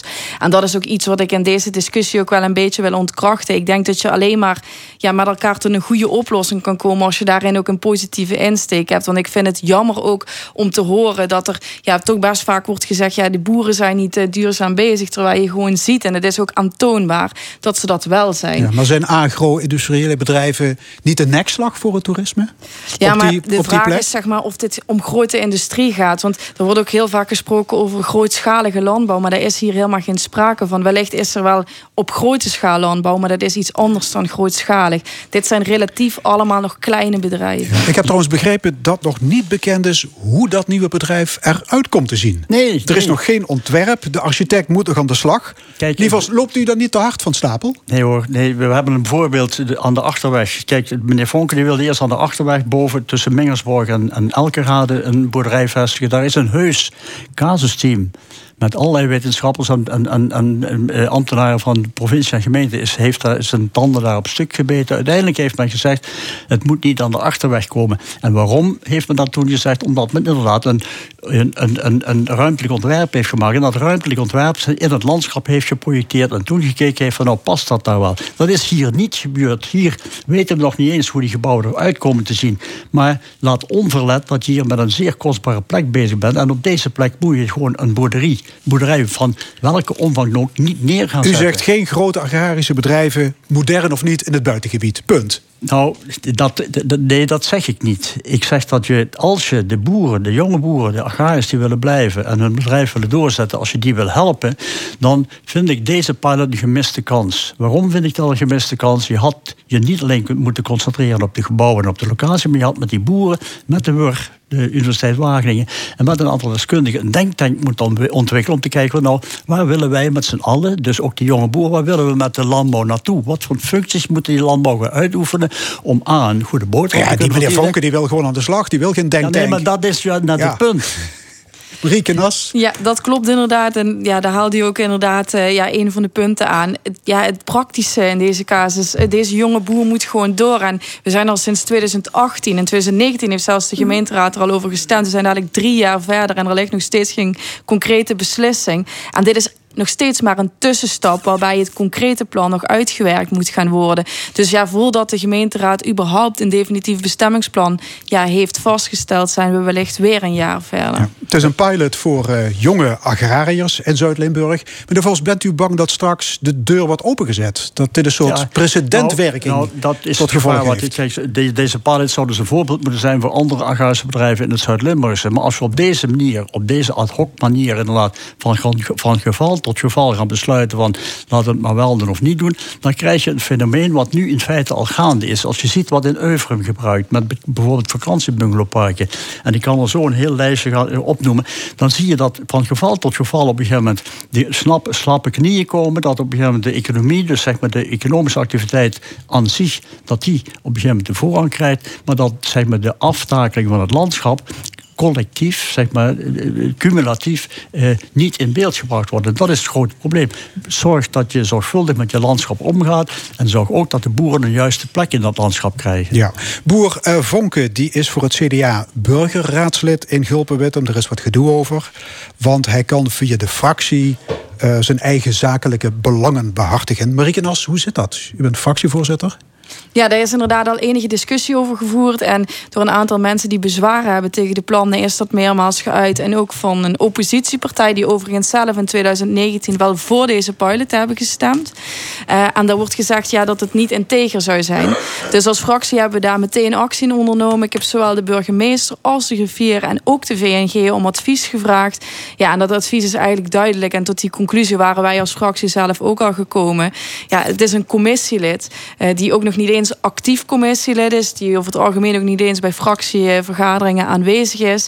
Um, en ja, zelfs de VNG die spreekt zelfs over een stemplicht voor ons als raadsleden, omdat we er ook geen enkel persoonlijk okay, belang bij om hebben. Om elke schijn van belangenverstrengeling te voorkomen, is het dan toch niet beter als meneer Vonken zich tijdelijk zou terugtrekken? Nee, heeft, u hem dat niet, heeft u hem dat niet gevraagd? Nee, maar dat vind ik een zwaktebod. Waarom zou hij zich moeten terugtrekken? Ik ben net blij dat we jonge ondernemers, agrariërs hebben die zich inzetten voor onze gemeente. Want wat ik daar ook en die, steeds En die schijn van belangenverstrengeling, waar het CDA toch al uh, last van heeft? Ja, dat kan best zo zijn. En, en dat klopt inderdaad. Het CDA heeft daar last van. Daarom dat ik in dit dossier ook extra voorzichtig te werk ben gegaan. Maar de VNG zegt gewoon letterlijk... U als CDA-raadsleden heeft de plicht in dit dossier om mee te stemmen. Goed, donderdag valt de beslissing. Hoe liggen de verhoudingen? Hoe gaat dit uitpakken? Nou, als ik zie wat. Uh, wat de, de, dus op dit moment wordt er een petitie ondertekend door een aantal mensen. En uh, de stand die staat nu al op 500. Nee, oké, maar de, de, gemeenteraad is aan zet. Hoe, nou, hoe het, is, dat? het zal kantje boord zijn, maar ik hoop dat ze dan kantje, een wijze besluit gaan nemen. Ik verwacht niet dat het kantje boord gaat zijn, want de gemeenteraad was unaniem in 2019. We gaan medewerken. Maar er is veel gebeurd in die, die tussentijd. Hè? Er is veel dat gebeurd. klopt, maar we hebben wel nog steeds een coalitie met tien mensen. En daarvan weet ik dat die allemaal zijn voor ontwikkelingen voor onze jonge agrariërs. Oké, we wachten het af. Hartelijk dank, CDA-fractievoorzitter Marieke Nas en Lee Vos van de Bond Heemschut. Dankjewel.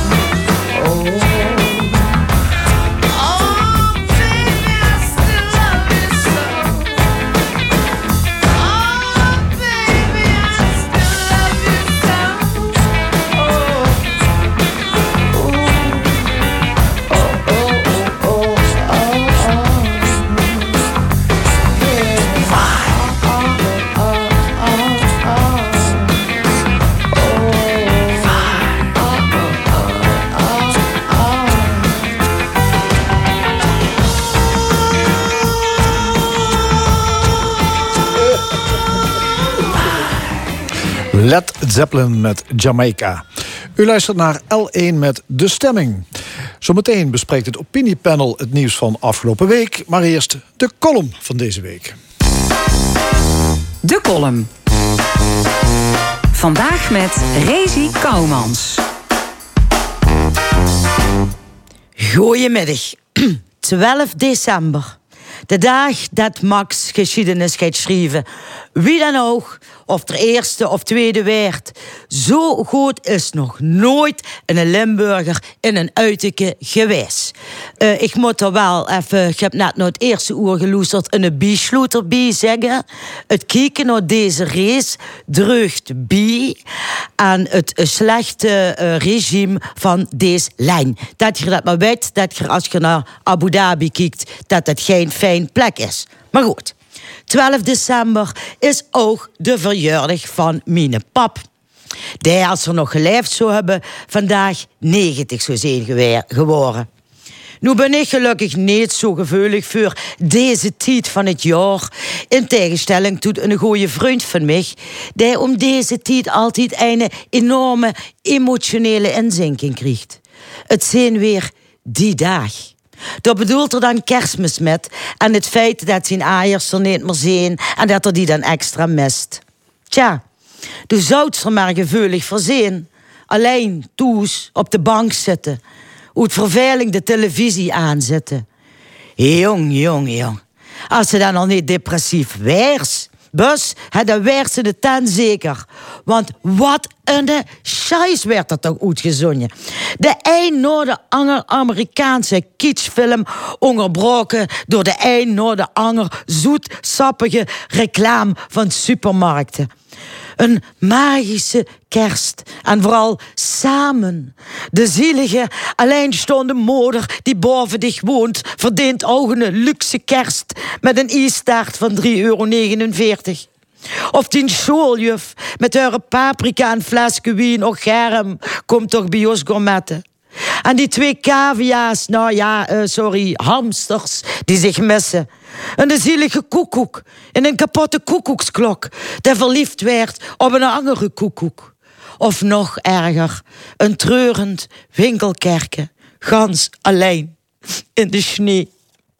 Ik vind dat ze verplicht het telefoonnummer van Stichting Correlatie of ehm, zelfmoordpreventie onder die filmpjes moeten zetten. Ik bedoel, dat, werd, het, is, het is toch verschrikkelijk? En de vrijgezel bij mij aan de bar gisteren, die zei je treffend. Die zei het, "Huh, ik vind het helemaal niet erg dat die kroegen om vier toe gaan. Ik zoek me tot vier uur gewoon een stuk in de kraag en dan sloop ik vanzelf door al die onzin heen. Maar wat ik persoonlijk dan nog het allerergste vind, verwerpelijk zelfs, zijn al die gokreclames. Vul dich dat oog op. Casino, bingo, lotto, koning toto. Speel gerust, maar speel bewust. Ja, my ass. Als ze door rechtsboven in het beeld kijkt, dan zie ze namelijk dat de meeste van die reclames gewoon van de staatslotterie zijn. En de bekende vermichte in de verslavingszorg werkt, zou dat de, zei dat dat de snelst groeiende verslaving is. Gokken. En dat werd gewoon schaamteloos door de overheid gepromoot. Met een eentje hier en een tweetje daar creëren ze een ganse nieuwe groep in de toch al overbelaste zorg. Alleen om hun staatskas te spekken. En nu snap ik ineens ook wie ze aan die 150 miljoen euro komen. En dat ze dat zomaar over hebben voor de Rembrandt. Schandalig. Object en infaam, zou hij maar zeggen. Maar ja, ook toch heb weer een staatslot gekocht. Met de 12 achterop. Dan werd ze dat pap. En als ze door boven dan toch gatkins doen, laat Max dan ook maar winnen. Straks. Van Rezi Koumans en de stemming van L1. Het is tijd voor het discussiepanel. Dat bespreekt in het oog springende actualiteiten. Vandaag over verpleegkundigen uit de Filipijnen. Ja, de vaandeldrager van Rembrandt en Max.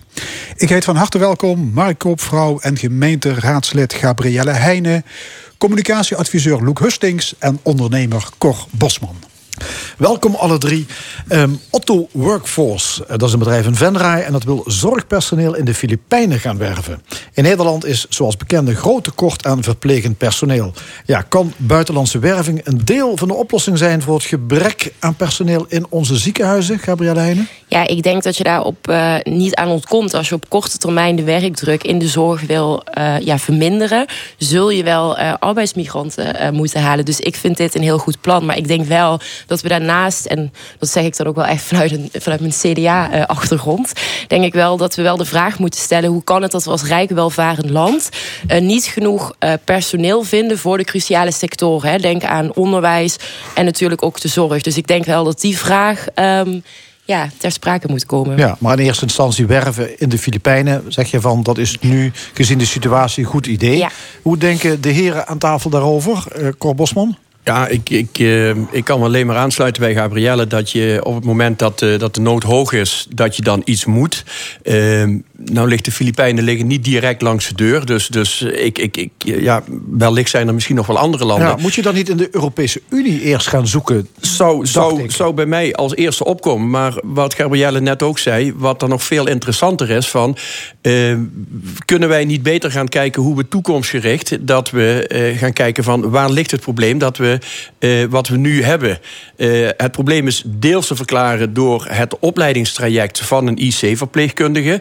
Uh, dat dat een leerwerktraject is. Nou, die IC's die zijn op dit moment die zijn al overbelast, zeg maar. Waardoor, ja, waardoor het opleiden moeilijk gaat worden. Maar je zult wel toekomstgericht moeten gaan kijken. Want we kunnen niet ja, ieder, ieder moment een blik opentrekken met arbeidsmigranten. Nee, kijk ja, jij nou, tegenaan? Kijk, en, en dat blik met arbeidsmigranten had je klaar liggen.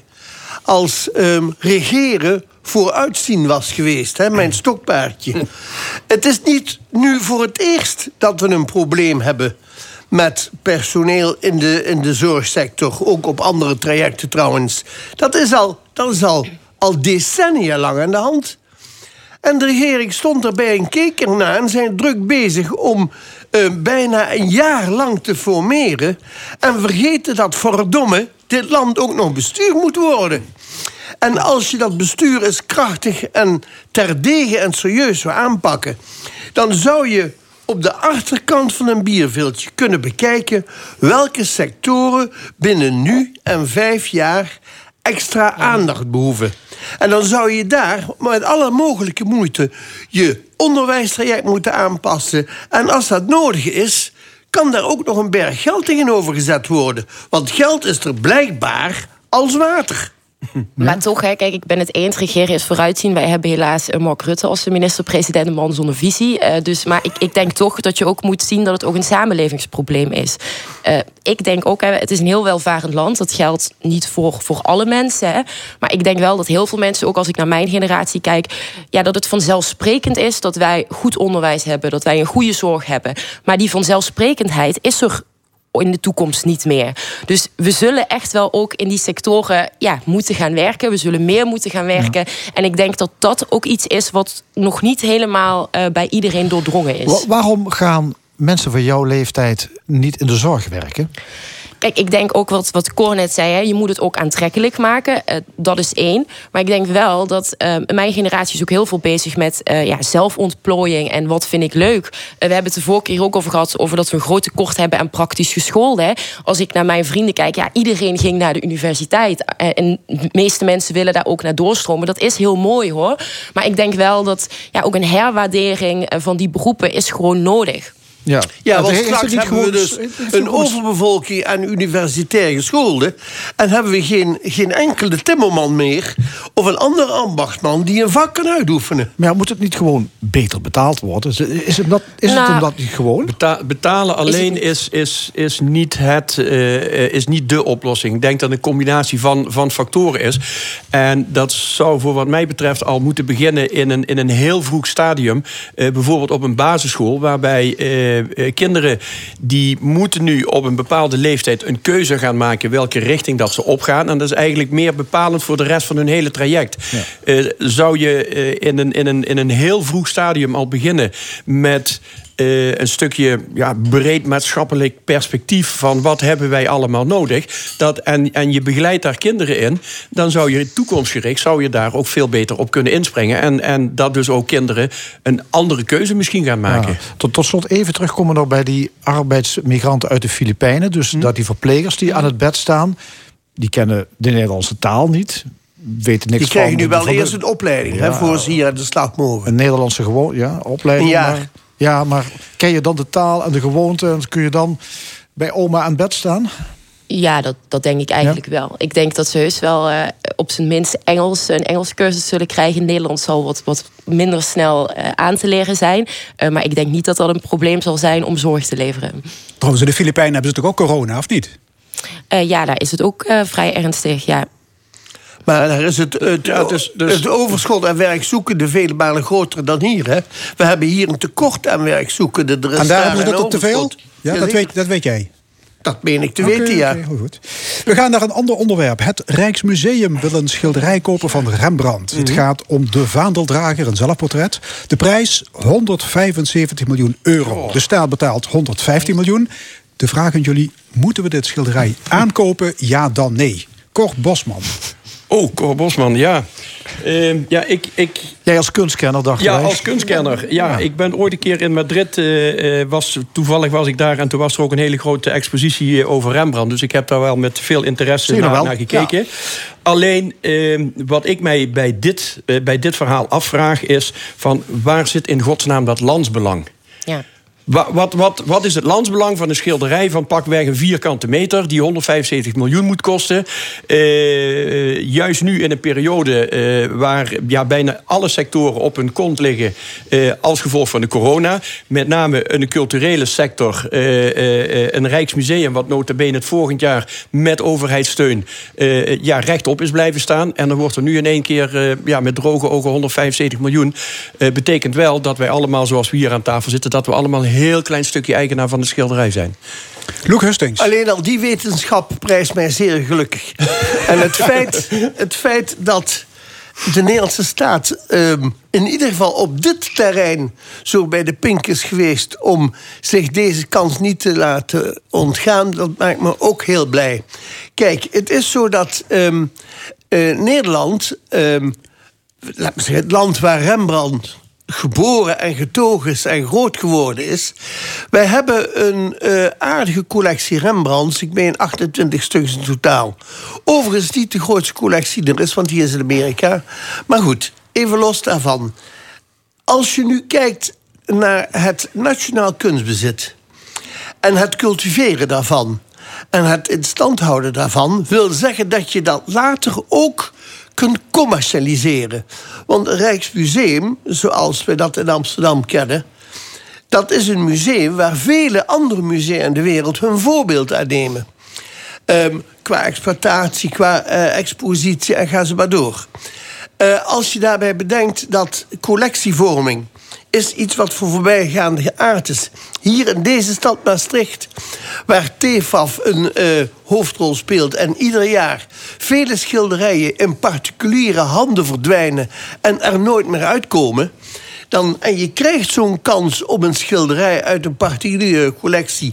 En dan ook nog wel zo'n opmerkelijk werk van Rembrandt. Wat, laten we zeggen, zijn eerste werk is waar hij zich als zelfstandig meester mee op de markt begaf.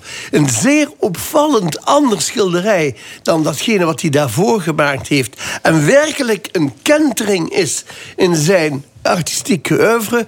Dat schilderij is bij uitstek de moeite waard om dat voor Nederland te bewaren. Gabrielle Heijnen, derde Ja. aan tafel. Ja, misschien klink ik nu een beetje als een kunstbalbaar. Eh, maar het, het interesseert mij echt werkelijk geen ene moer... of Nederland nou dat schilderij had gekocht... of Frankrijk bijvoorbeeld, als het in de Het gaat wel om 150 miljoen gemeenschapsgeld, Ja, dat is inderdaad gemeenschapsgeld. Maar weet je, dat is wel altijd iets wat heel snel wordt gezegd: van ja, eh, je kan het beter aan de zorg of aan het onderwijs. Ja, tuurlijk. Maar dat zou dan betekenen dat we aan al die andere en, en culturele zaken geen geld meer zouden mogen uitgeven. Er gaat al heel veel geld naar zorg en onderwijs. Ja, nee, maar er wordt wel gezegd, ja, moeten we zoveel geld op tafel leggen in een tijd waarin die hele culturele sector het zwaar te verduren heeft, De timing- met steunpakketten overeind wordt gehouden. De timing is niet perfect, maar ik denk ook niet dat eh, onze overheid eh, die timing echt eh, in handen had. En ik ben het wel met, met Loek eens. Ik denk dat we dat geld echt wel ook weer eh, terug eh, krijgen of terugverdienen door de vele mensen en toeristen die dat schilderij gaan bezoeken. Eh, dus ik denk niet dat het weggegooid geld is, absoluut Nee. niet. Nee, bovendien hebben de kabinetten Rutte de culturele sector nooit helemaal serieus genomen. Absoluut Het kunstenaarschap was een hobby. En nu wel 150 Een linkse mil- hobby ook nog wel, Ja, en dan nu wel 150 miljoen voor één schilderij. Is toch, is nou toch ja. vreemd, of niet? Laten we zeggen, 150 miljoen. Uiteindelijk is 175 miljoen wat dat schilderij kost. Ehm, dat is natuurlijk veel geld. Als je aan de andere kant kijkt. Wat voor dwaze prijzen op de kunstmarkt zich op dit moment voordoen. En je zet dat in relatie tot de kwaliteit van dit werk en het bijzondere karakter van dit werk, dan vind ik 175 eh, miljoen eigenlijk niet eens zo overdreven veel geld hoor. Nee. Integendeel. Er zijn Ik heb voor oppositiepartijen- meer geld grotere rotsen verkocht zien worden. Ja, dat, dat, zegt waar, de ja. oud-woordvoerder van de TFAF, by the way. Eh, oppositiepartijen in de Kamer die zeggen... oké, maar dan ook 150 miljoen extra... om de kunst en cultuur te ondersteunen. Is dat fair of is dat koehandel? Ja, zo- ja, zo, ja, juist. Ik, eh, ik wou het woord al zeggen. Dan, dan ga je dus koehandel eh, eh, ga je drijven. Ehm, nogmaals, wat mij bezighoudt van wat, wat is het landsbelang? Wat, eh, eh, ik heb net de recensent eh, gehoord eh, in de vorm van Loek. eh, ja, die, die heeft een vlammend betoog gehouden. Ik zie dat niet zo. Ik vind het Nou, de mooiste... vaandeldragers kennen we van de 80-jarige oorlog. Ja, dat klopt. En Ja. die oorlog leidde tot het ontstaan van Nederland. Loek. Of uh, Cor, Cor. Maakt, dat geen, maakt dat geen extra indruk op jou? Nee. nee. Zal je verder... eh, Nou, en Nee, ik, ik, ik, ik vind het een mooi schilderij. Het is hetzelfde als, als, als De Nachtwacht of alle andere schilderijen van Rembrandt of van Nee, wie dan nee, ook. het is een heel uitzonderlijk ik- schilderij. Misschien even heel leuk, maar eh, je Nee, moet ik- eigenlijk eens even André Hazes eh googelen. Eh, op Twitter ging daar eigenlijk een vergelijking rond. Een plaatje van André Hazes. En die lijkt gewoon sprekend eh, op klopt. dat schilderij. Dus toen dacht ik, nou dan, dan is het wel een goede aankoop. Maar nog even tellen, Ja, wie, is nou voor, wie is nou 23 voor aankoop en wie tegen? Wie Ik voor? ben, ik ben een grote voorstander van die aankoop. 2-1? Ja, hij, hij is al, eh, het ding is al gekocht, dus, dus we hebben er weinig Nee, de op, Kamer eh. beslist deze week. Ja, nou goed, die Kamer. Die luistert toch niet zo naar het volk. Ja, dus, eh, dit interesseert mij echt niet. eh, het, eh, het gaat niet goed met het imago van Maastricht. Ja, Eh, ja. ja, ja, de stad die staat namelijk in de top 10 van de slechtste steden om je te vestigen Ja. als buitenlandse werknemer. Dat is een zogenaamde Expat City Ranking 2021. En eh, ja, Maastricht staat op de achtste plaats in de top 10. Worst cities for expats. Ja, goed ja. hè? Je zal er maar wonen. Nee, Ja, ik, ben daar Gabrielle, heel, vertel eens. ik ben daar dus heel blij mee, want ik vind dat juist iets heel goed. Of, ik vind het niet goed dat de expats het slecht beoordelen hoor. Die, die expats die voor dit onderzoek zijn gebruikt. Want ik, ken, ik heb heel veel expats gesproken en die herkennen dit helemaal niet eh, terug wat hier wordt gezegd. Maar Maastricht staat in een lijstje eh, van wereldspelers.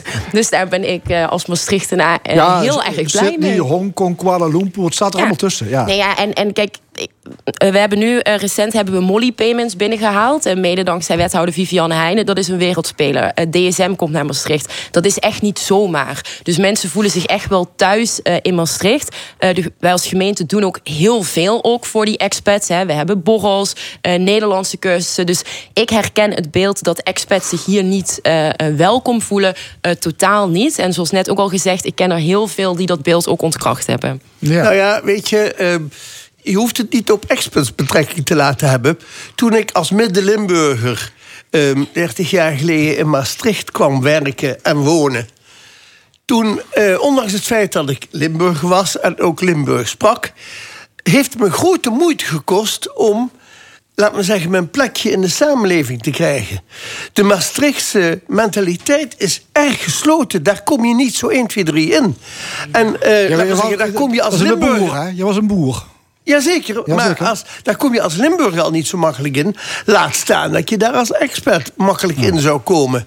Dus um, de, de, de Maastrichtse mentaliteit speelt daar mede een rol. En dat is toch wij je... onder elkaar. En laten er nou vooral niet te veel van die maar vreemden ik vind, komen. Ik vind dat echt een ouderwets beeld. Want dat is echt een beetje zo van... ja, de echte Schengen, die, die gaan alleen maar met elkaar om. Maar inmiddels is Maastricht gewoon een internationale stad ook geworden. En het is een hele andere dynamiek. Het is ook echt niet meer dat ja. alle Schengen in, in die kroeg zitten... en de rest zit in de kroeg daarnaast. Ja, dat no, vind ik no, no, no, dat zeg je nu. Zwart-wit volgens mij zijn, ja. Volgens mij zijn die studenten... die zitten in kroeg A...